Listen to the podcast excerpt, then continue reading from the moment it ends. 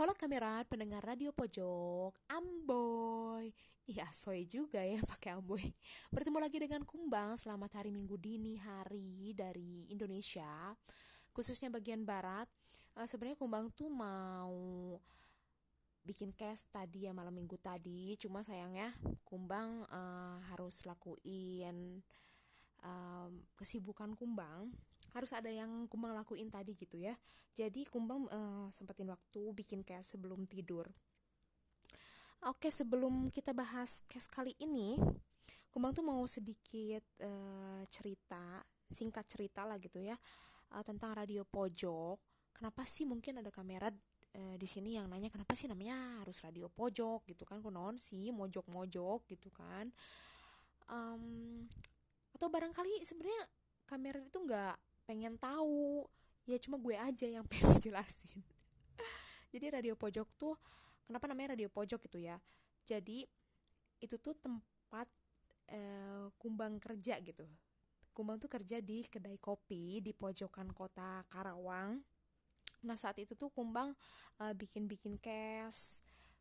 Waktu lagi santai lagi tuh saat lagi santai atau setelah kerja bikin case tuh di kedai kopi di mana tempat kumbang kerja gitu. Uh, radio pojok juga udah bikin case tuh dari tahun 2012 2018 sorry. Uh, itu tuh mungkin inget banget ya podcast tuh nggak sebanyak sekarang ada tapi nggak banyak kayak sekarang gitu. Dan podcastnya itu udah lumayan banyak gitu case-nya itu udah lumayan banyak. Kita pernah bahas tentang uh, bukunya Pramudia Anantatur terus juga tentang bacain uh, komik dari Tatang S ya yang Gareng Petruk tuh. Barangkali kamera ada yang masa kecilnya beli komik Tatang S di tukang agar. Uh, kalian satu clan sama saya. Terus juga um, sempat bacain puisi dan tulisan dari Roda Van Eshinga. Terus bahas band Rotor biografi band Rotor ya ada lagu juga dari Bung Karno yang bersukaria. Terus juga ada lagu keroncong dari Tantelin ya pokoknya banyak juga sih uh, lumayan banyak sayangnya. Aplikasi sebelahnya hilang ya cash-cashnya hilang ya. Barangkali nanti ada kesempatan waktu untuk kumbang ngulang kumbang akan mengulang lagi lah gitu ya. Untuk di share um, dengan kamera oke jadi podcast kali ini tuh tentang triple K. Ada yang sudah tahu kamera triple K itu apa? Atau barangkali ada yang lebih tahu ya dari kumbang kita bisa share sama kamera lainnya. Uh, triple K nggak tahu ya kumbang bener atau enggak uh, nyebutinnya tuh triple K atau kiki atau apalah ya gitu. Pokoknya um, triple triple K ini adalah ding ding ding ku Klux Klan. Ada yang pernah dengar sebelumnya? Kok nggak kedengeran ya? Ada yang pernah dengar karena kan emang nggak dengar gitu kan. Maksudnya karena emang nggak bisa nyaut di sini ya. Kalau udah kalau bisa nyaut sih emang rame kayaknya. Jadi uh, Ku Klux Klan ini Kumbang akan bacain dulu ya sebelumnya artikelnya singkatnya gitu. Ku Klux Klan ini atau Triple Key dikenal juga sebagai The Klan adalah sebuah kelompok teroris suprema supremasi kulit putih ekstrim di Amerika Serikat yang berdiri pada tanggal 24 Desember 1865 Kelompok ini berkeyakinan bahwa ras kulit putih adalah adalah ras yang terbaik. Mereka mendirikan organisasi tersebut dengan maksud untuk berjuang memberantas kaum kulit hitam dan juga kaum minoritas lainnya di Amerika Serikat, seperti orang Yahudi, imigran, Muslim, dan juga Katolik Roma. Nah, itu singkatnya lah ya. Singkat dari apa itu Ku Klux Klan gitu. Jadi sebelumnya itu malam kemarin uh, temanku dari England Kiran Mugan Hai Mang Kiran hujan Mang Kiran dong ya keren-keren gitu kan ya. Kalau di Indonesia jadi kiren kayak tiren gitu. Sorry Ki. Uh, jadi um, kiren ini temanku dari Birmingham dia tuh kemarin uh, nge-WhatsApp gitu nge-WhatsApp uh, kumbang yang WhatsApp kumbang. Kayak kumbang lu pernah tahu nggak tentang ini sebelumnya? Lu pernah lihat nggak? Gitu. Lu pernah denger nggak? Gitu kan. Dia ngirimin kayak gambar gitu. Dan gue tuh nggak jelas gitu liatnya. Terus gue langsung jawab gitu kan apa satanik? Gitu kan. Dengan entengnya gue jawab gitu kan. Padahal gue belum lihat gambarnya dengan jelas gitu. Nah padahal itu tuh tentang rasisme di Amerika ya terhadap kulit hitam gitu.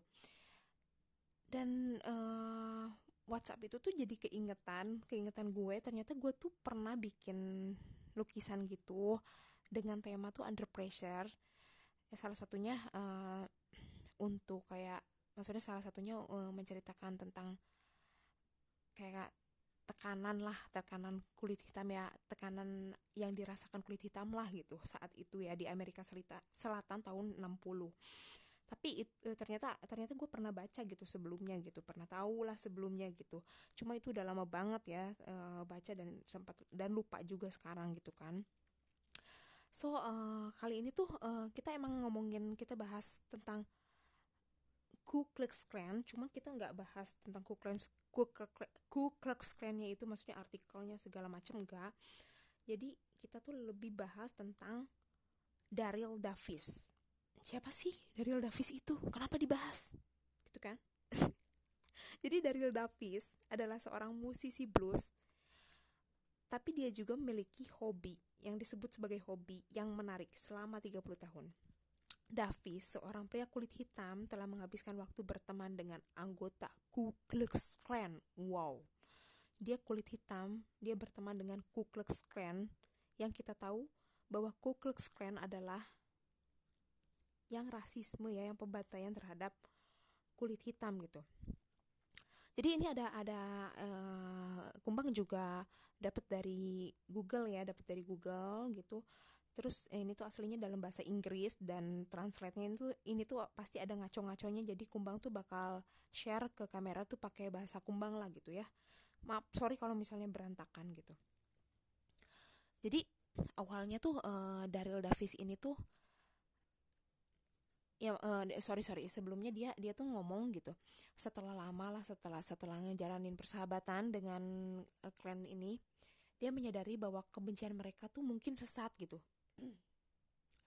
Sejak Daryl mulai berbicara dengan anggota ini, dia mengatakan 200 klan, 200 klan loh, telah menyerahkan jubah mereka. Ketika itu terjadi, Dapis mengumpulkan jubah dan menyimpannya di rumahnya sebagai pengingat dari Dent.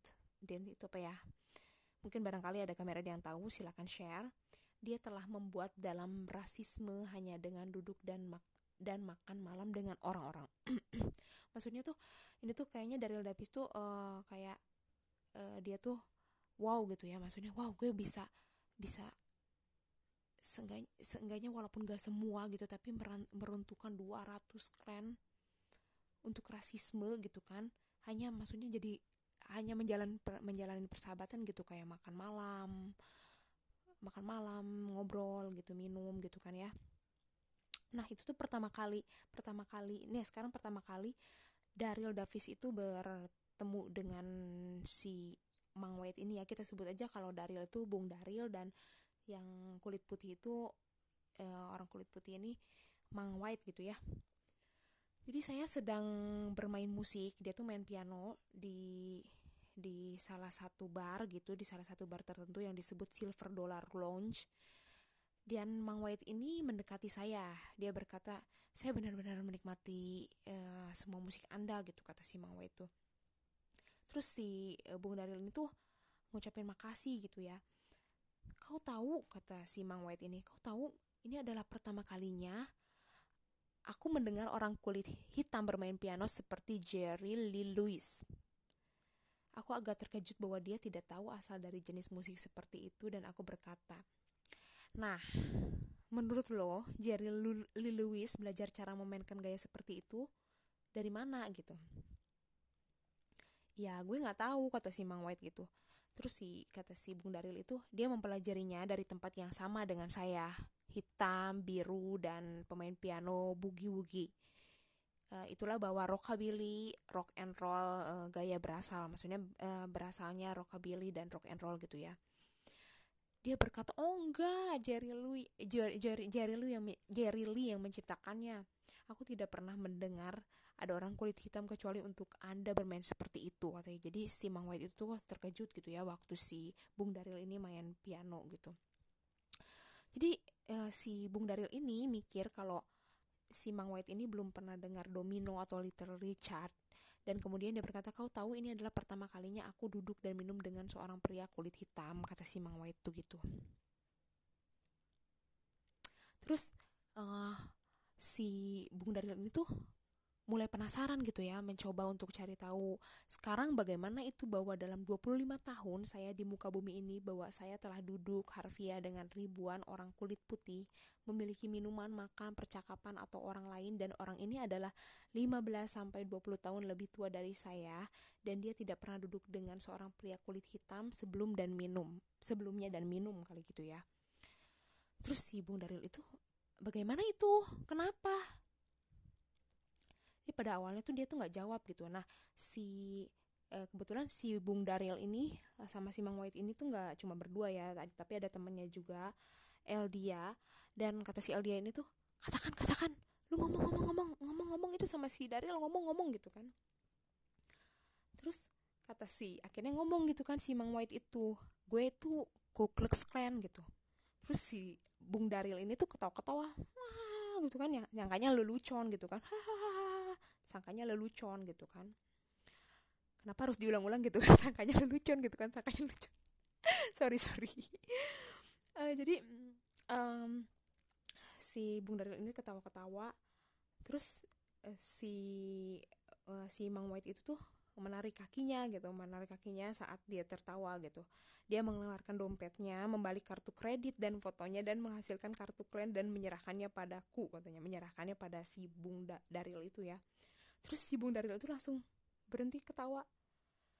Anjim gitu kan. Aing wow logo eta gitu. Gue kenal logo itu gitu kan. Simbol klan dan aku menyadari ini adalah nyata. Orang ini tidak lagi bercanda dan sekarang aku bertanya-tanya mengapa aku duduk dengan clansman gitu. Ya secara kan tahu ya kalau clansman itu adalah yang membantai kulit hitam gitu. Jadi siapa sih yang gak shock? Dia clansman gitu kan. Tapi uh, dia tuh menurut Daryl tuh sangat ramah. Terus uh, dia dengerin musik yang sama. Terus juga si si Mang White itu tuh meminta si Daryl ini tuh untuk untuk nelpon dia kayak gitu ya. Nah terus menurut Daryl tuh gini Fakta bahwa orang Klansman dan orang kulit hitam dapat duduk di meja yang sama dan menikmati musik yang sama yang merupakan bibit yang ditanam. Jadi maksudnya ini tuh kayak bahasa pertemanan kali ya. Jadi kayak dari mana lu berasal, selama lu dari mana lu berasal dengan berbagai macam sifat lu tuh akan baik-baik aja tuh kalau misalnya lu memelihara gitu. Memelihara pertemanan pertemanan gitu. Dan itu tuh nggak nggak seburuk atau seseram yang orang lain kira lah gitu ternyata tuh seperti itu ya. Hal terbaik yang bisa kau lakukan adalah mempelajari subjeknya sebanyak mungkin. Aku pergi bersenjata tidak dengan senjata tetapi dengan pengetahuan. Nah itu juga ya maksudnya kayak um, kalau lu benci sama seseorang itu lu harus ngenalin apa yang lu benci itu. Lu harus tahu apa yang lu benci. Kenapa kayak gitu. Dan juga kayak maksudnya um, kayak dengan apa yang lu punya atau enggak atau enggak yang lu punya kayak gitu apa yang lu bawa dan enggak yang lu bawa gitu. Yang penting tuh lu punya pengetahuan gitu. Kayak gitulah kurang lebihnya ya. Terus uh, yang mulai chip pergi ideologi mereka karena ketika dua musuh berbicara mereka tidak berkelahi. Ah itu kita kita skip aja lah kita skip ya. Uh, terus juga awalnya mereka. Jadi kenapa sih si Mang White ini tuh maksudnya yang dianggap klan klan eh maksudnya si klan ini tuh bisa bisa kayak gitu memperlakukan kulit hitam itu seperti itu gitu ya. Bisa rasis kayak gitu kenapa sih gitu? Nah ini tuh menurut si Mang Wei tuh gini. Mereka merasa bahwa jika anda tidak berkulit putih anda lebih rendah. Mereka percaya bahwa orang kulit hitam memiliki otak yang lebih kecil. Kita tidak mampu prest eh, kita tidak mampu prestasi yang lebih tinggi Aku akan memberikan contoh satu, kata si Mangwa itu. Orang ini adalah Cyclops, mulia duduk di mobil saya di kursi penumpang saya. Dia membuat pernyataan. yang saya dengar sebelumnya itu kata si Bung David eh, Bung Dar Daril ya ya kita semua tahu bahwa semua orang kulit hitam memiliki dalam diri mereka gen yang membuat mereka kekerasan terus kata kata Bung Daril tuh gini what sambil noleh gitu kan noleh gitu. Tunggu sebentar. Aku orang kulit hitam yang pernah kau lihat. Saya tidak pernah melakukan pembajakan mobil. Bagaimana anda menjelaskan itu gitu kan? Maksudnya kekerasan dari mana? Coba lu lihat gue gitu kan. Gue kulit hitam. Gue nggak kayak gitu? Terus dibalikin lagi sama si Daril itu sama Bung Daril gitu kan. Uh, ya kita semua tahu bahwa semua orang kulit putih memiliki gen dalam diri mereka yang membuat mereka menjadi pembunuh berantai. Terus uh, si Mang White itu bilang gitu kan apa maksud lu? gitu. Dan si Daril itu ngomong lagi ya nama saya tiga pembunuh serial hitam katanya gitu. Mungkin di sana ada uh, pembunuhan berantai ya yang dari kulit putih gitu. Dia berpikir tentang hal itu dia tidak bisa melakukannya. Aku bilang kata dia gitu. Maksudnya si Bung Daril itu bilang gitu contohnya gitu Ted Bundy Jeffrey Dahmer Charles Manson John Wayne Gacy semua putih. Nak kau adalah pembunuh berantai kata kata Daryl tuh kayak gitu. Terus kata kata Mang Wai itu gini e, aku aku tak pernah membunuh siapa pun aku tak pernah membunuh siapa pun. Gen ada gen anda adalah Latin katanya gitu. Itu belum keluar dia pergi. Ya itu bodoh kata kata dia gitu kan kata si Mang Wai itu ya itu bodoh. Ya aduh ya. Tapi aku tahu uh, uh, tapi kau tahu apa? Kau benar. Apa yang saya katakan adalah bodoh kata Bung Daryl tuh gitu. Tetapi tidak lebih bodoh dari apa yang anda katakan kepada saya gitu. Jadi kata si Bung Daryl tuh ya yang gue yang gue omongin tuh bego gitu. Bodoh. Tapi lu juga nggak lebih bodoh dari gue gitu. Eh nggak lebih pintar maksudnya nggak lebih bodoh. Nggak lebih pintar dari gue gitu. Lu juga sama bodoh gitu kan. Terus lima kemudi lima bulan kemudian dari perdebatan mereka itu gitu dari perbincangan mereka itulah ya perdebatan itu eh, tiba-tiba si Mang White itu meninggalkan klan. Jubahnya adalah jubah pertama yang pernah saya dapatkan kata Bung Daril tuh ya. Namanya siapa sih? Itu tuh aturan ada di artikel ini tapi nggak ada di sini. Jadi setelah uh, pertemanan kayak gitu. Terus si Bung Daril ini tuh ngerasa kayak kayaknya lu tuh salah deh ngebenci ngebenci lu tuh apa sih yang yang yang lu benci dari kulit hitam tuh apa gitu. Lu tuh harus tahu apa yang lu benci gitu kan. Dan lu tuh kayaknya salah gitu. Nah semenjak kejadian itu tuh uh, yang salah satu yang mang mang white ini tuh ini ya apa uh, ngelepasin jubah gitu. Kenapa ya jubah ya?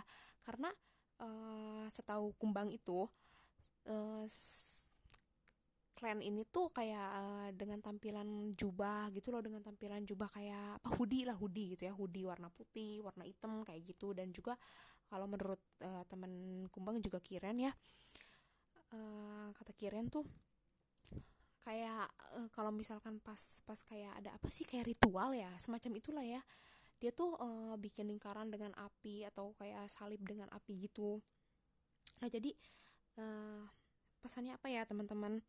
Kayak sekarang tuh sangat disayangkan sih ya sampai sekarang juga ada gitu ada uh, kayak masih rasis gitu kayak warna lu tuh dari dari suku apa dari jangankan dari negeri dari negara apa ya tapi dari kita juga di Indonesia tuh kayak lu tuh dari suku apa warna kulit lu apa kita tuh masih mandang tuh seperti itu banyak banyak dari kita tuh masih mandang tuh seperti itu. Lu tuh anak siapa? Lu tuh apa anjay padahal gue tuh jelema gitu kan gue tuh manusia gitu. Ah mungkin ada bukan mungkin ya tapi emang harus dijadikan lagi pembelajaran dari cerita tentang klan ini. Dan akhirnya tuh kan eh, nggak uh, nggak sedikit loh 200 200 uh, orang 200 keluar dari klan itu gitu kan. Karena mungkin mereka menyadari ya apa yang uh, kesalahan dari mereka lah kayak gitu yang salah memahami lah kayak gitu. Karena tuh uh, toleransi ya yang yang terbaik itu tetap toleransi. Kita tuh menghargai. Mungkin kita mengingatkan boleh kalau misalkan kayak ya kita kecilnya lah kayak sobat kita salah kita bisa ngingetin. Tapi uh, kita tuh harus menghargai tetap menghargai menghargai apa yang jadi keputusannya apa yang jadi pendapatnya apa yang jadi itu kita harus menghargai. Cuma kita harus tetap kayak ngingetin gitu kan.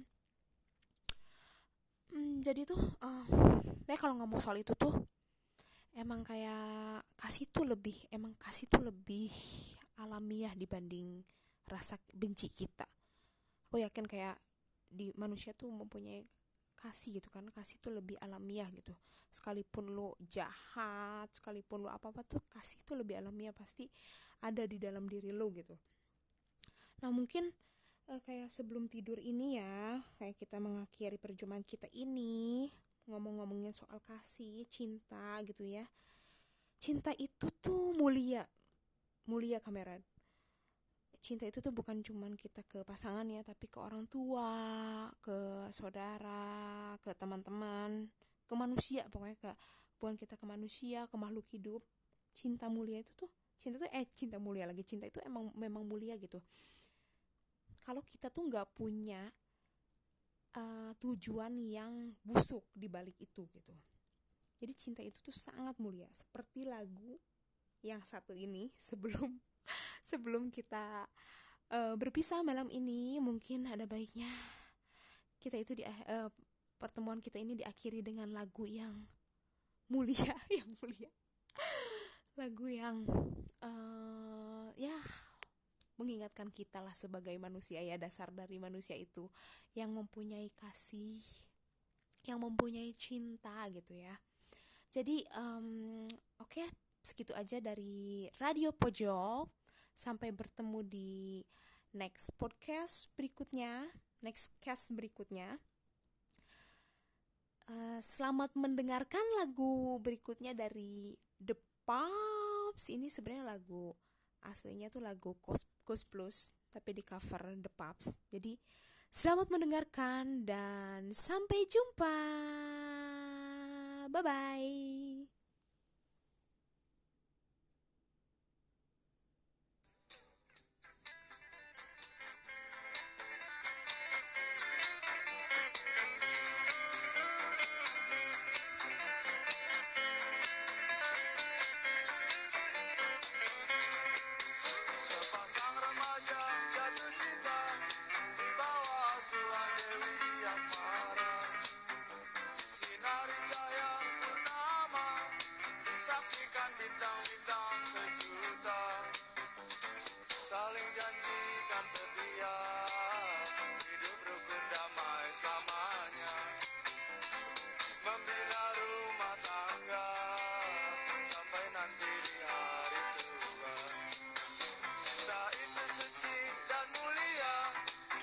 saksikan bintang-bintang